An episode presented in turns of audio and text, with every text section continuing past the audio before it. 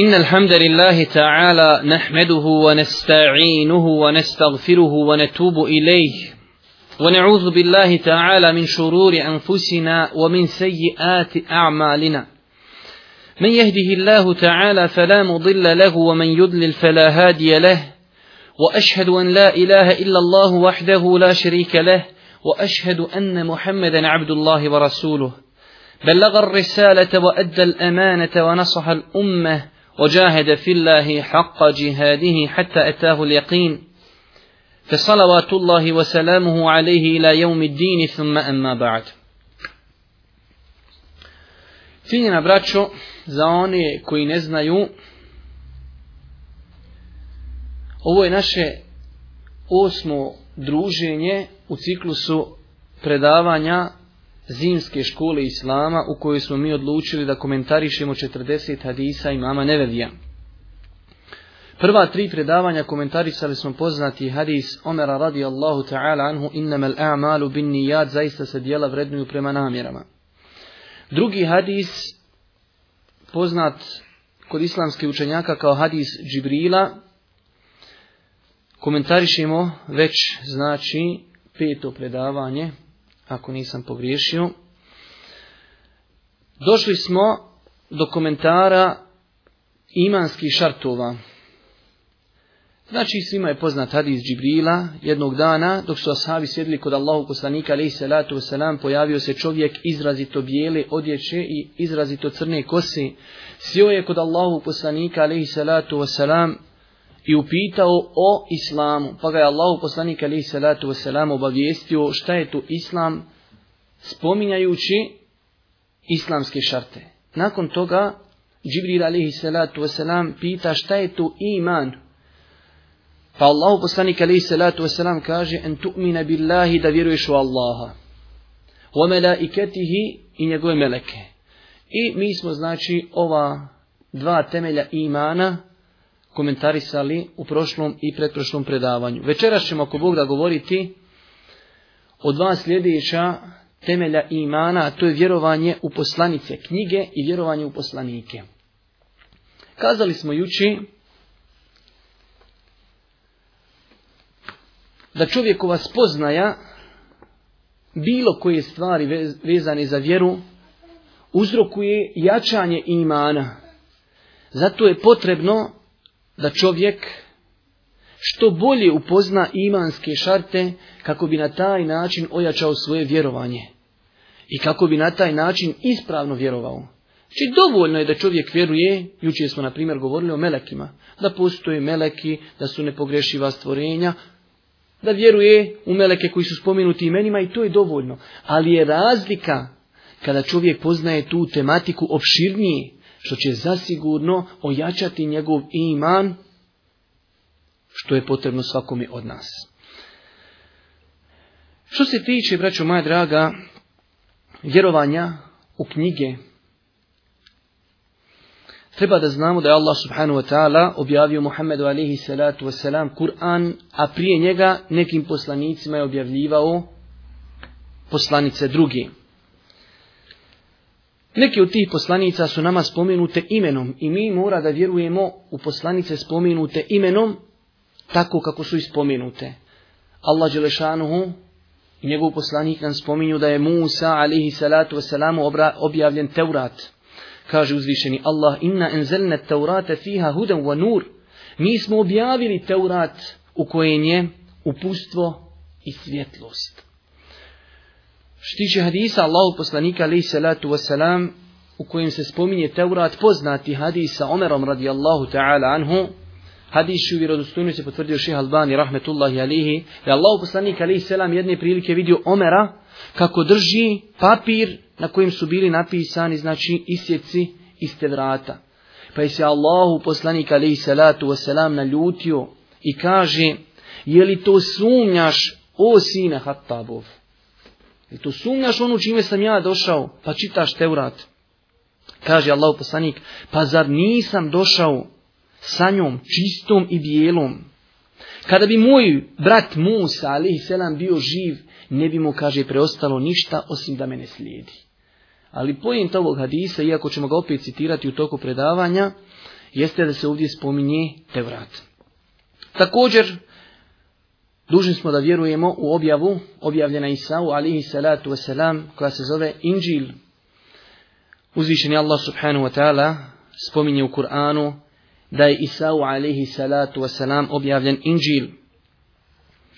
وَآتَيْنَاهُ الْإِنْجِيلَ فِيهِ هُدًا Govori Allah subhanahu wa ta'ala o, o Isau pa kaže mi smo mu objavili Inđil u kojem je bila uputa i svjetlost također. Također treba da vjerujemo u objavu objavljenu Davudu alihi salatu wasalam koja se zove Zebur. Kaže uzvišeni Allah subhanahu wa ta'ala وربك أعلم بمن في السماوات والأرض ولقد فصلنا بعد النبيين على بعض وآتينا داود زبورا Gospodar tvoj dobro zna oni na nebesima i oni na zemlji, mi smo jedne vjerovjesnike na drugima odlikovali, a Davudu smo Zebur objavili i dali. Također od objava koje su spomenute imenom jeste svez, svezci ili suhufi objavljeni Ibrahimu i Musau alihi salatu wasalam.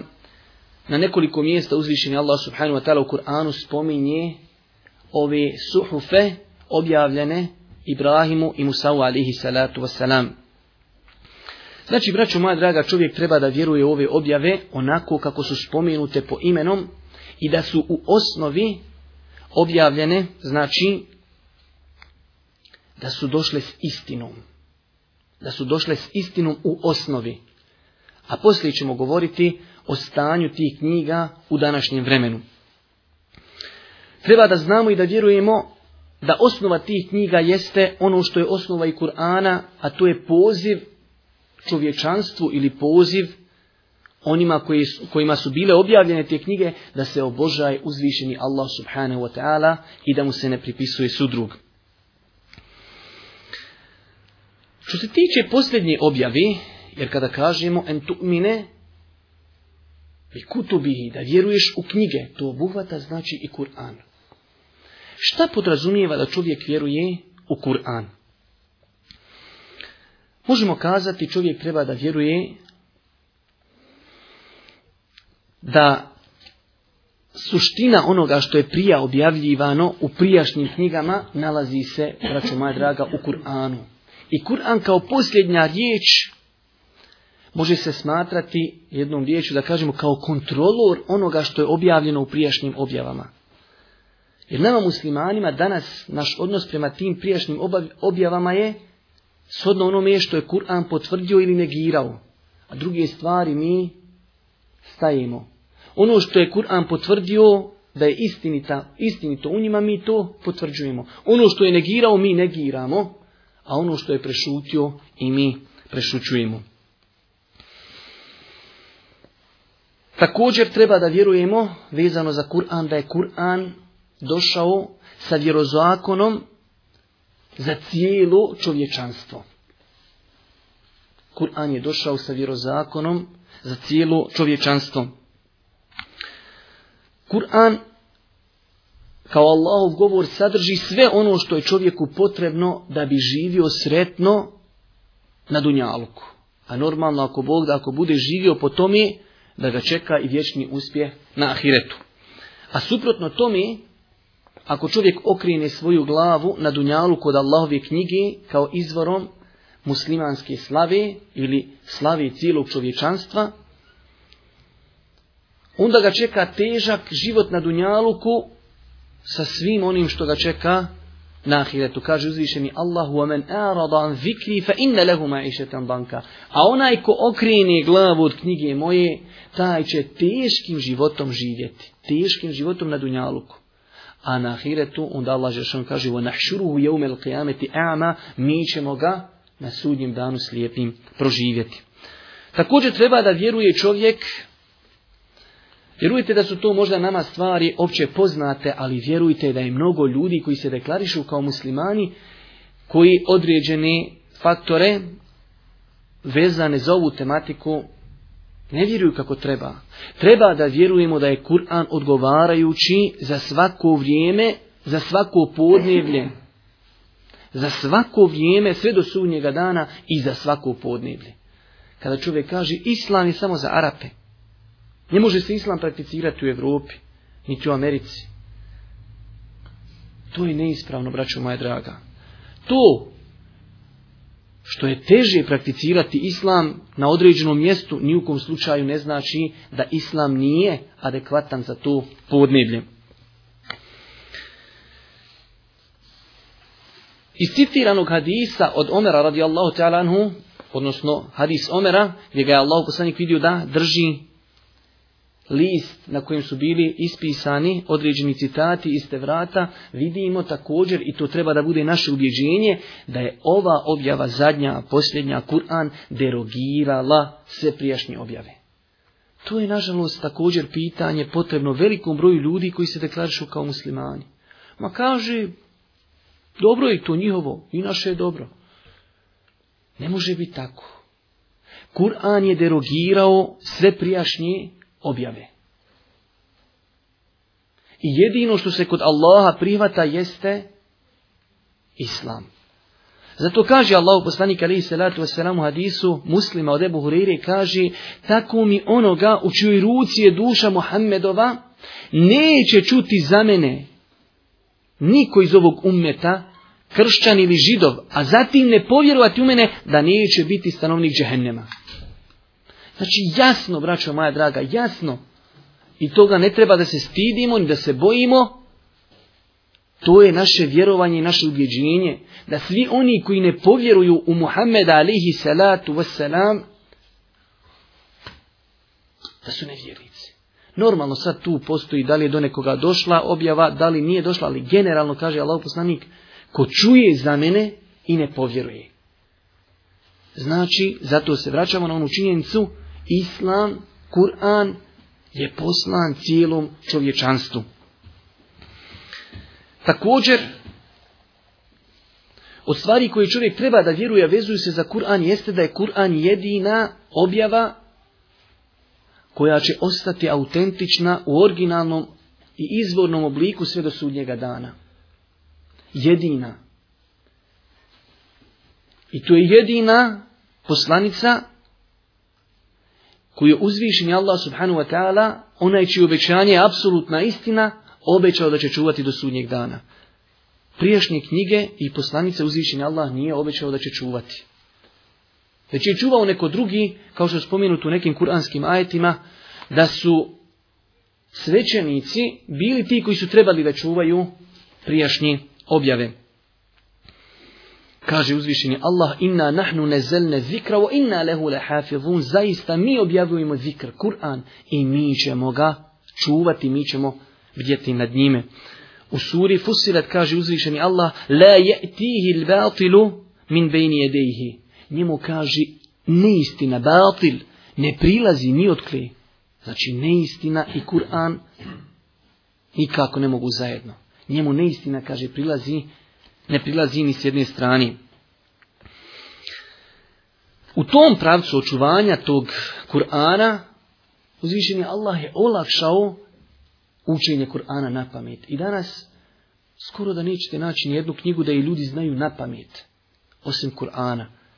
A Kur'an ne samo da zna jedan ili dva čovjeka, hiljede, hiljede ljudi poznaje Kur'an na pamet i to svi u harf isto. Kaže uzvišenje Allah subhanahu wa ta'ala وَلَقَدْ يَسَرْنَ الْقُرْآنَ لِذِكْرِ فَهَلْ مُدَّكِرُ Mi smo Kur'an olakšali za zikr, za hivzanje, za učenje. فَهَلْ Ima li oni koji hoće razmišljati? Mi smo Kur'an olakšali. I to je jedan vid čuvanja Kur'ana. I ovo sve, braćo moja draga, znači, to je ta neka uzročno, hajde kažemo, posljedična veza ili ne zna čovjek kako da kaže, ali logika je, ako Kur'an treba da bude izvor zakonodavstva za cijeli svijet sve do sudnjega, sudnjega dana, onda je logično da taj Kur'an treba da ostane u originalnom obliku sve do sudnjega dana kako bi ljudi mogli da crpe iz njega ono što im je potrebno. Mnogo je kuranskih ajeta i činjenica koji nam potvrđuju da prijašnje objave, objave nisu sačuvane.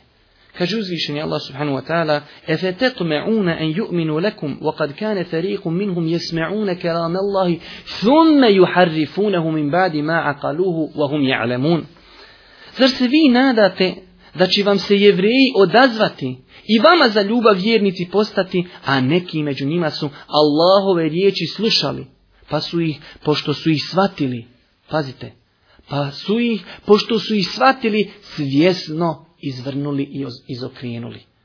Znači Allah Đelešanu nam u Kur'anu potvrđuje da su prijašnji narodi slušali, zatim shvatili, a nakon toga svjesno izvrnuli prijašnji objavlje, objave.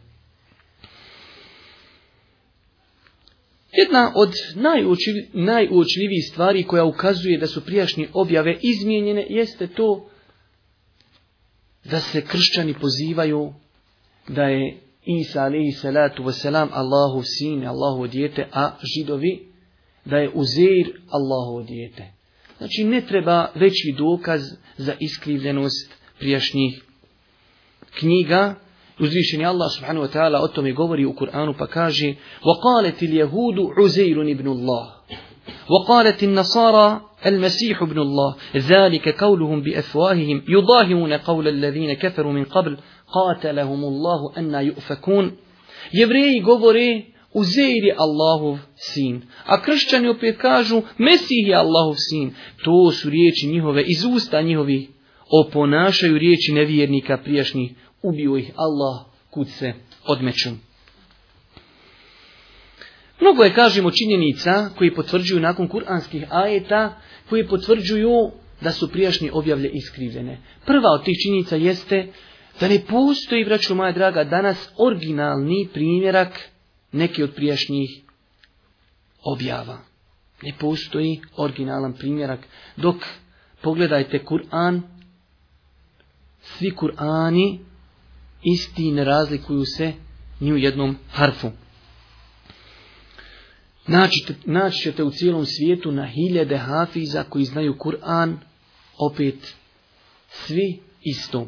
Također, od činjenica koje ukazuju da su prijašnje knjige iskrizene jeste i to da ne postoji validan argument, ono što mi nazivamo sened ili lanac prenosilaca, koji doseže do tih poslanika.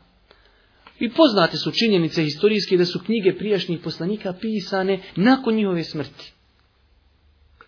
Dok pogledajte počasti ovog ummeta i to kada bi imali kršćani ili židovi, vjerujte da ne bi bilo mjesta na kojim se ne bi hvalili tim činjenicama. A to je da mi imamo i danas dan, pa čak u Bosni imate ljude koji znaju Kur'an sa senedom. Šta znači sa senedom? On kaže, ja sam naučio Kur'an od tog šeha. On od tog šeha, on od tog šeha, on od tog, od tog, a on od tabijina, on od ashaba, asab od poslanika. I svako od njih dobio i džazu za podučavanje. To nema niko osim muslimani. Također, činjenice koje ukazuju na iskrivljenost priješnjih knjiga jeste i to da danas na tržištu možete naći različite primjere Bibliji. Te ova, te ovakva, te onakva. Pa koja je sada prava? I zadnja stvar koja nedvosmisleno ukazuje na iskrivljenost prijašnjih knjiga jeste da u tim knjigama danas povrt toga što postoje mnogi podaci koji su kontradiktorni. A je Allah subhanahu wa ta'ala koji je objavio Kur'an, kada poziva ljude, kaže, efelajete dedarun el Kur'an, zašto ne razmišljaju o Kur'anu?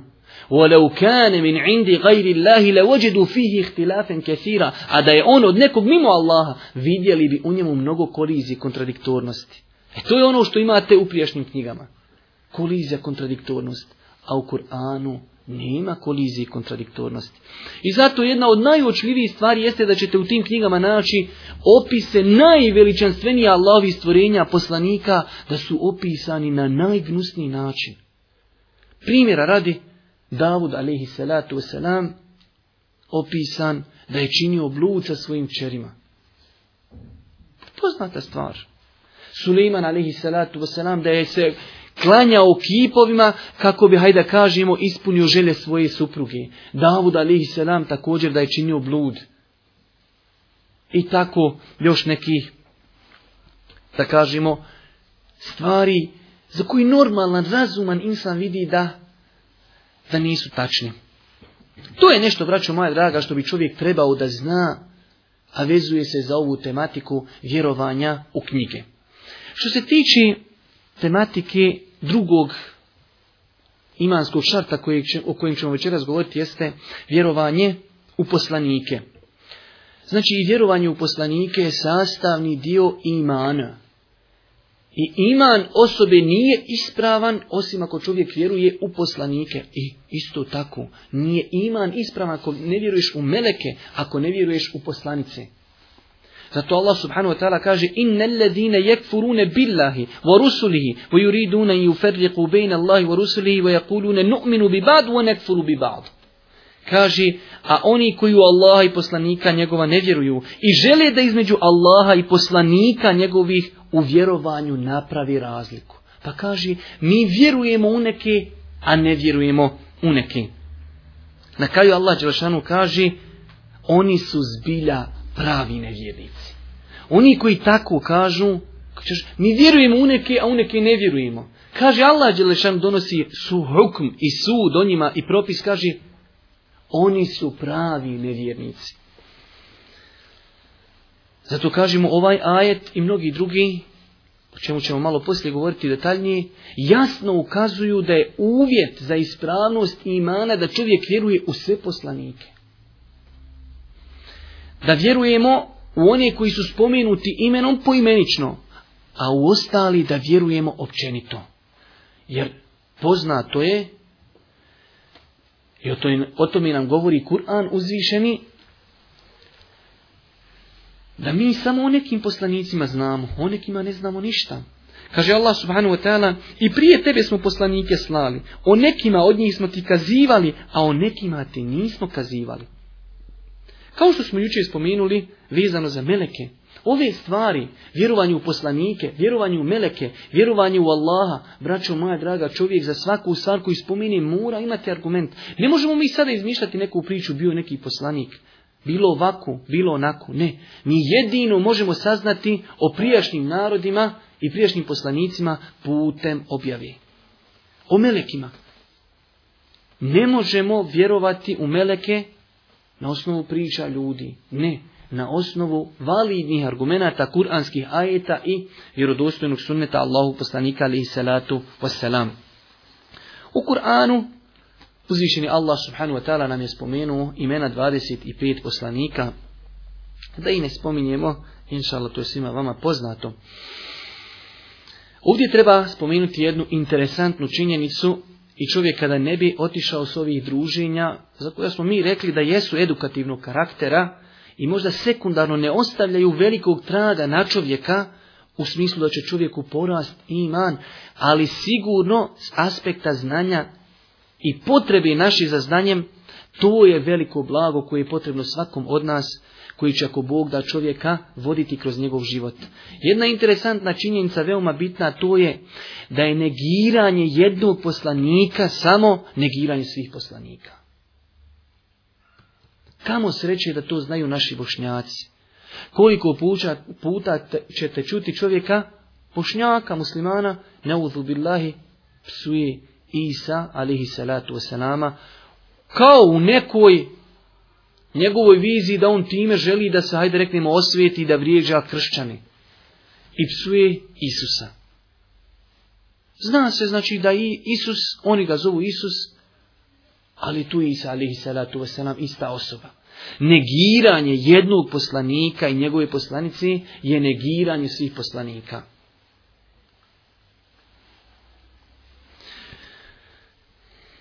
Uzvišen je Allah subhanahu wa ta'ala na više mjesta nam potvrđuje tu činjenicu da je slao određenim narodima samo jednog poslanika.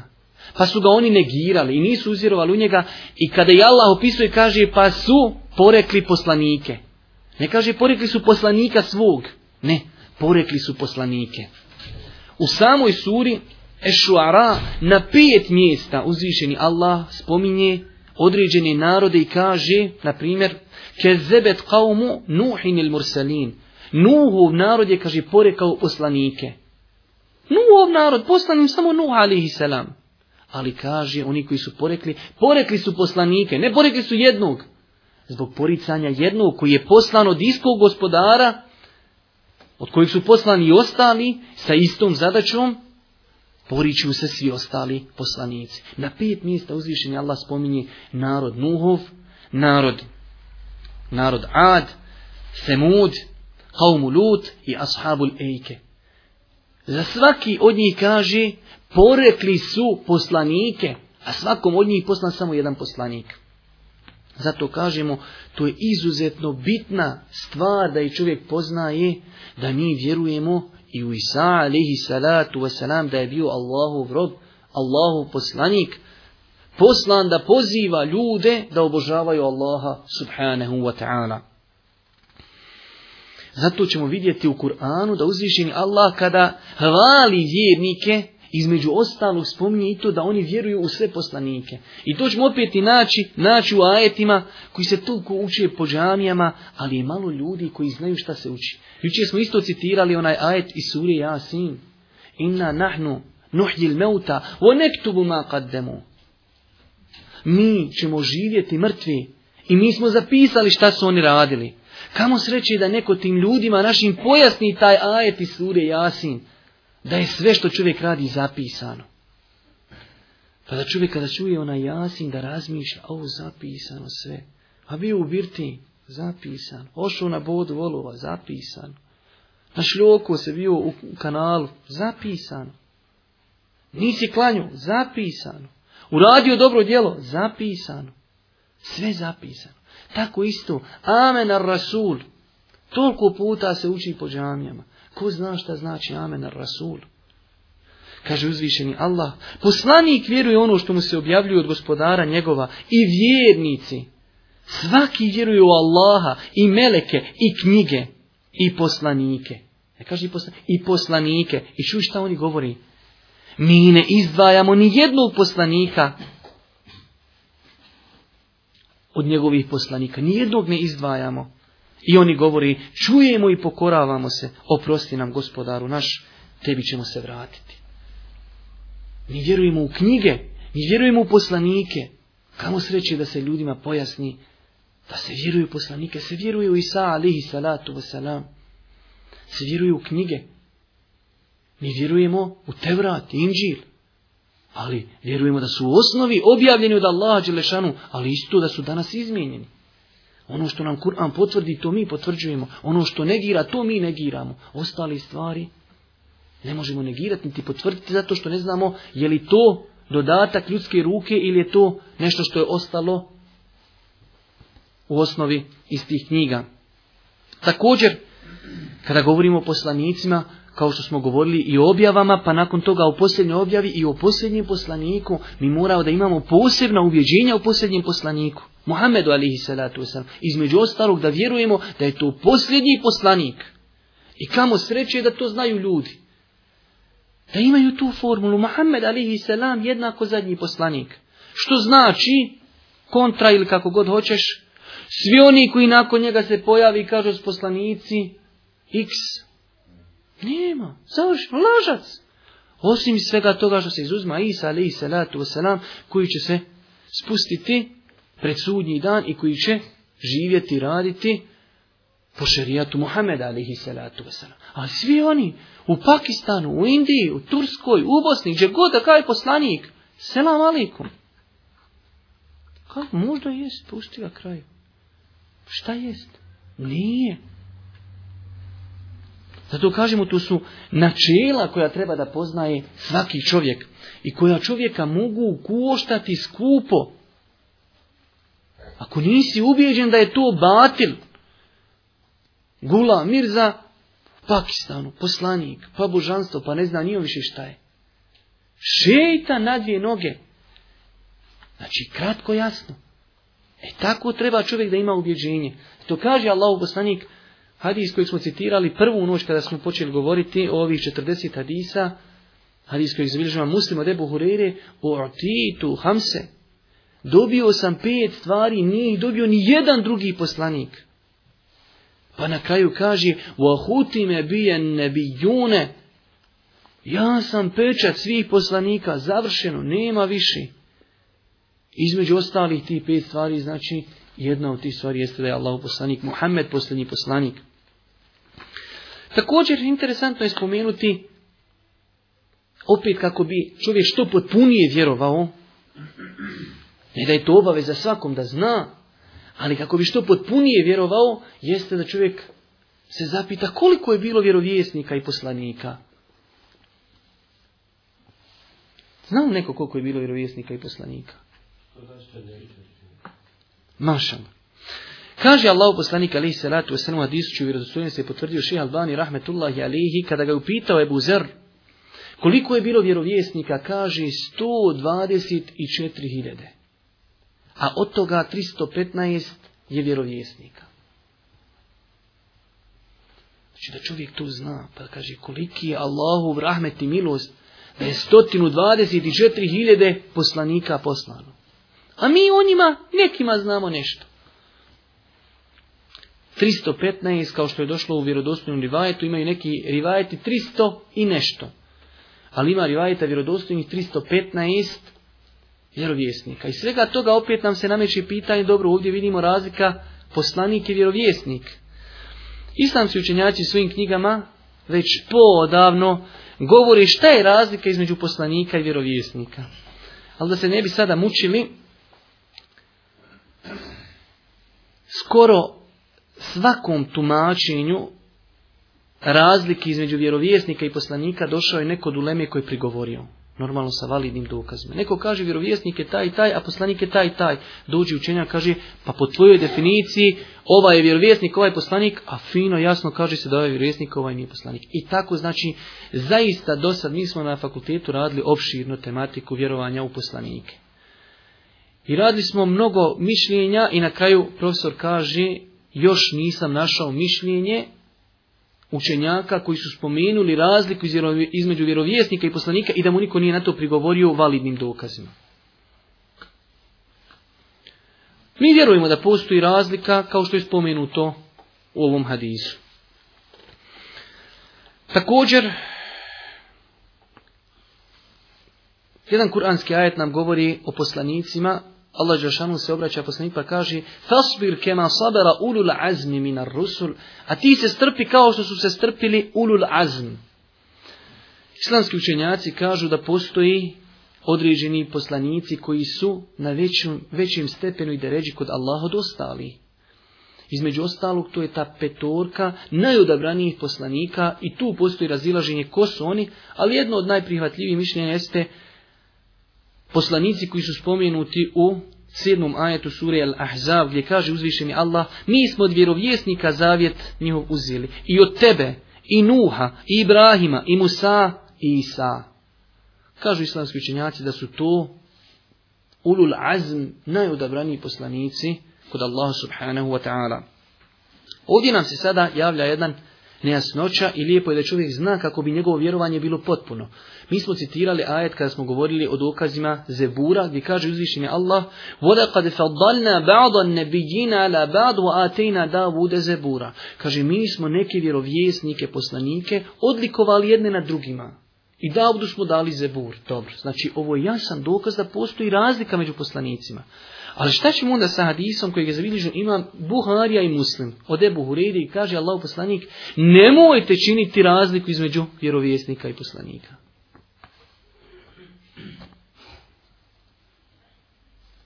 Šta ćemo? A definitivno, definitivno nema kontradiktornosti. U našoj vjeri nema kontradiktornosti. Svaka stvar samo i treba znati pravo usmjeriti. Makar naši mozgovi nekada shvatili da je to na prvi pogled kontradiktorno. Kur'anski ajet jasno kaže وَلَقَدْ فَضَّلْنَا بَعْضَ نَبِيِّنَ Mi smo neke poslanike uzdigli na drugima.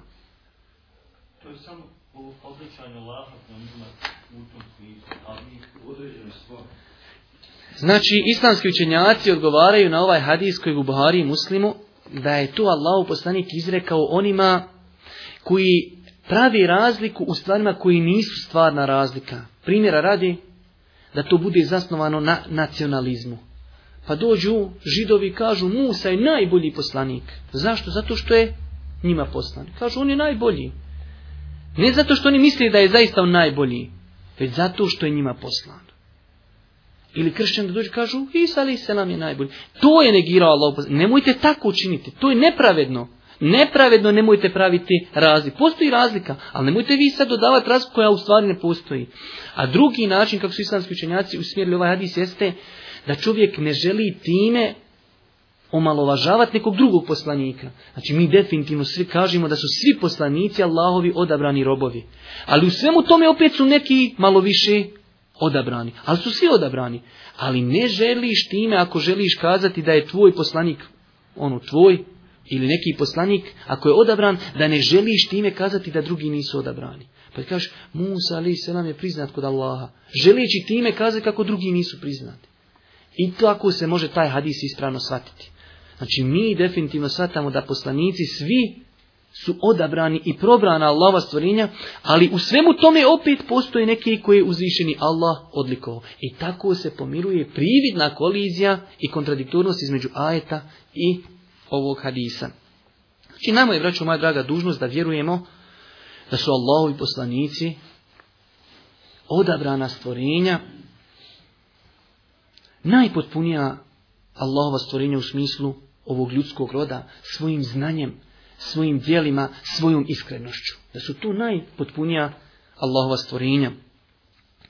Povr svega toga nisu posjedovali svojstva božanstva. Znači u ovom ljudskom segmentu i domenu su potpuni, u smislu najpotpunija bića, ali nisu posjedovali svojstva božanstva i nije dozvoljeno bilo koji vid i badeta da čovjek usmjeri poslanicima. Oni su bili bešar.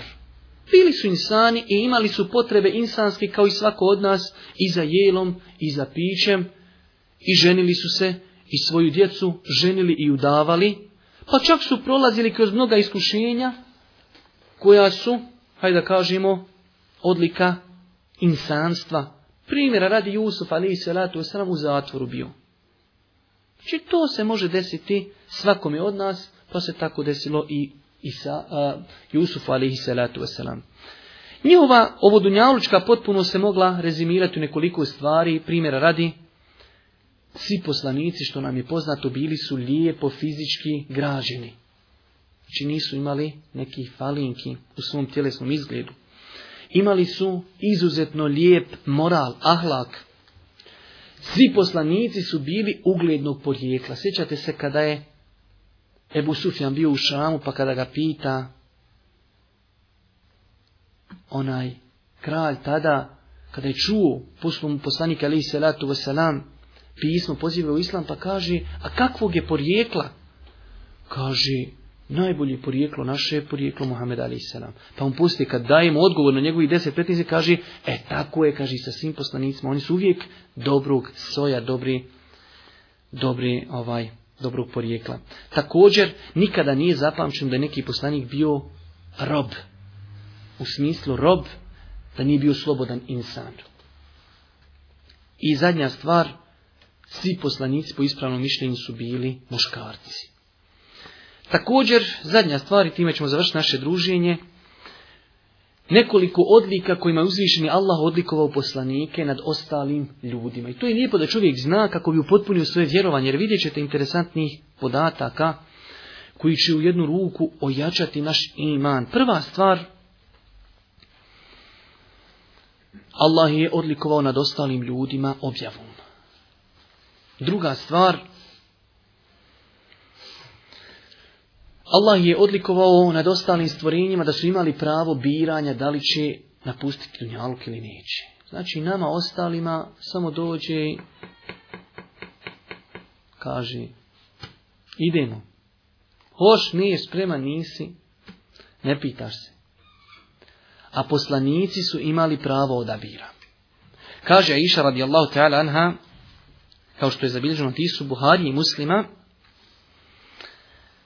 čula sam Allahu poslanika da kaže koji god poslanik se razboli, bude mu dato da izabiri između Dunjaluka i Ahireta. To sam, kaže, čula Allahu poslanika. Koji god se poslanik razboli, bude mu dato da izabere hoćeš Dunjalku ili hoćeš Ahiret. Pa kaže Aisha, radi Allahu ta'alana, kada je poslanik bio u bolesti u kojoj je preselio, to znači ta zadnja bolest, čula sam ga kako govori. Samo govori, znači nema pitanja, ali odgovor. Kaži, sa onima kojima je Allah milo svoju darovao, sa vjerovjesnicima, pravednicima, sa šahidima i dobrim ljudima. kaži, pa sam shvatila da mu je postavljeno da odabire, pa je odabro da ide na sa njima, hoću sa njima, znači privatam, idem. Sa onima kojima Allah dao svoju milu, sa šahidima, sa iskrenim, idem sa njima. Privatam poziv za Kaži Kaže, pa sam shvatila da mu je dato da odaberi. Pa je odabro da napusti Dunjaluka. Hadis je zabilježen, znači Buhari je Muslim. Također od osobenosti poslanika jeste da se oni ukopavaju na mjestima gdje su preselili.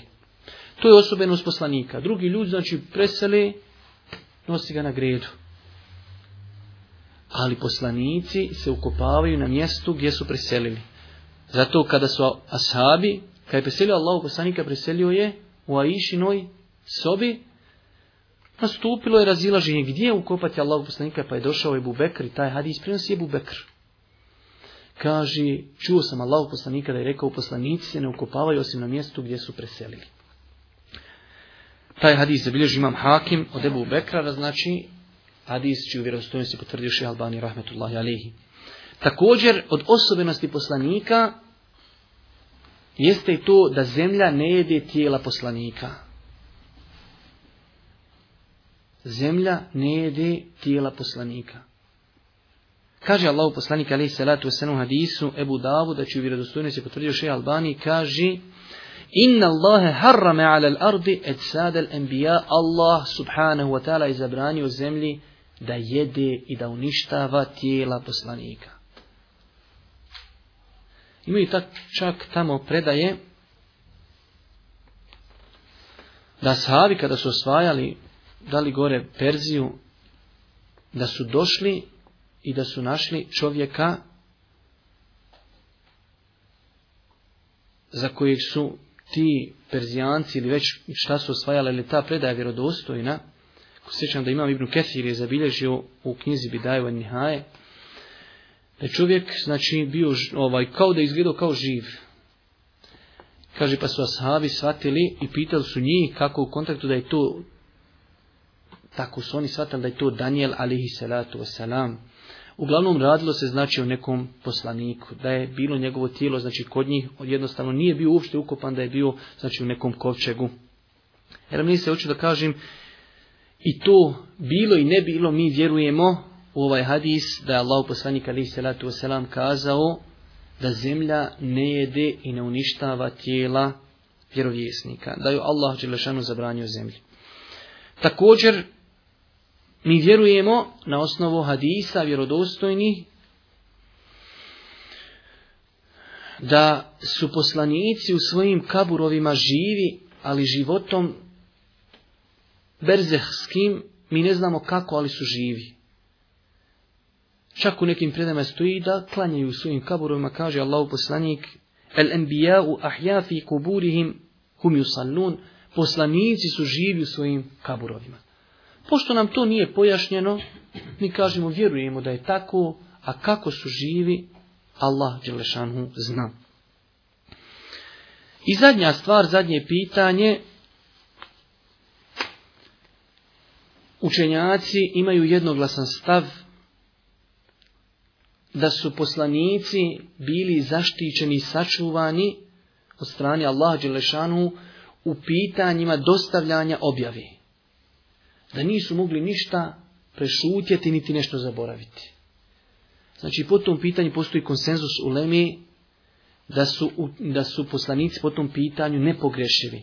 Po pitanju objave i dostavljanja onoga što od njih traži uzvišenje Allah da su nepogrešivi.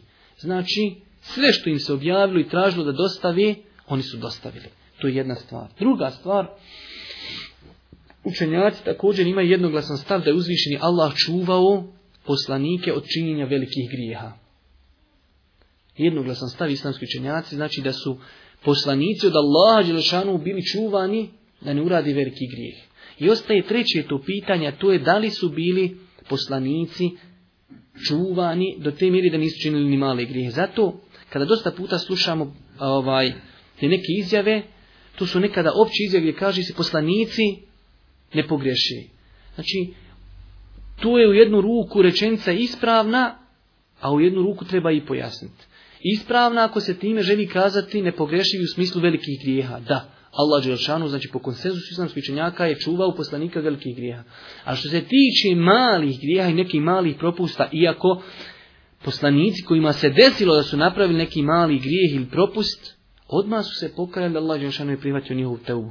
Ali je pitanje da su bili čuvani i više argumenata kroz siru i kroz Kur'an koji nam ukazuju da nije Allah Đelšanuhu, hajde da kažemo do te mjeri čuvao poslanike da nisu napravili nikakav mali grijeh. Čak kaže Šehul Islam ibn Taymije u poznatim svojim fetvama u četvrtom tomu, 319. stranci, pročitat ću vam samo govor na bosanskom i time ćemo ako da završiti ovo izlaganje. Kazao je Šehul Islam ibn Taymije rahmetullahi alihi stav da su poslanici sačuvani od velikih grijeha, a ne od malih grijeha, to je stav većine islamskih učenjaka i svih frakcija i skupina, pa čak da je to stav većine učenjaka Ehlul Kelama, kao što je spomenuo Ebu Hasan el Amidi da je to stav većine Ešarija. Tog je također stava većina tumača Kur'ana, Mufesira, pa čak da nije preneseno od Selefa i učenjaka iz generacija Ashaba i Tabiina i oni koji su došli nakon njih, osim ono što potvrđuje ovaj stav. Pogledajte koliko je spomenuto učenjaka, znači grupa učenjaka, te Mufesiri, te Ashabi, te Tabiini, te Selef, svi su, kaže, potvrđivali to mišljenje da je Allah čuvao poslanike od velikih grijeha, a ne od malih grijeha. I sadnja samo opaska, znači, zato što imamo iskušenja na terenu, ne mora značiti u Bosni, ali možda izvan Bosni, ehli sunnet smatra, znači, da smrću poslanika ne postoje nepogrešive osobe, ali eto, šetan je određenim skupinama ljudi prišao pa ćete naći mnoge skupine koji zagovaraju za svoje neke ili imame ili neke onaj kako se zove vođe da su nepogrešivi. Znači to je u koliziji sa stavom ehli sunneta, odnosno to je u koliziji sa kuransko-hadijskim tekstovima i načelima vjere Islama i mi kažemo nakon Allahog poslanika alaihi salatu wasalam nema nepogrešivih insana. Molimo Allah Đelešanhu da ono što smo čuli bude dokazom za nas, a ne protiv nas. Molimo ga Subhanu ta'ala, da nas učusti u ovim teškim vremenima. Molimo ga Subhanu ta'ala, da nam bude milosti na sudnjem danu i na kraju. Subhanaka Allahumma da bihamdika šedu in la ilaha ila ente wa tubu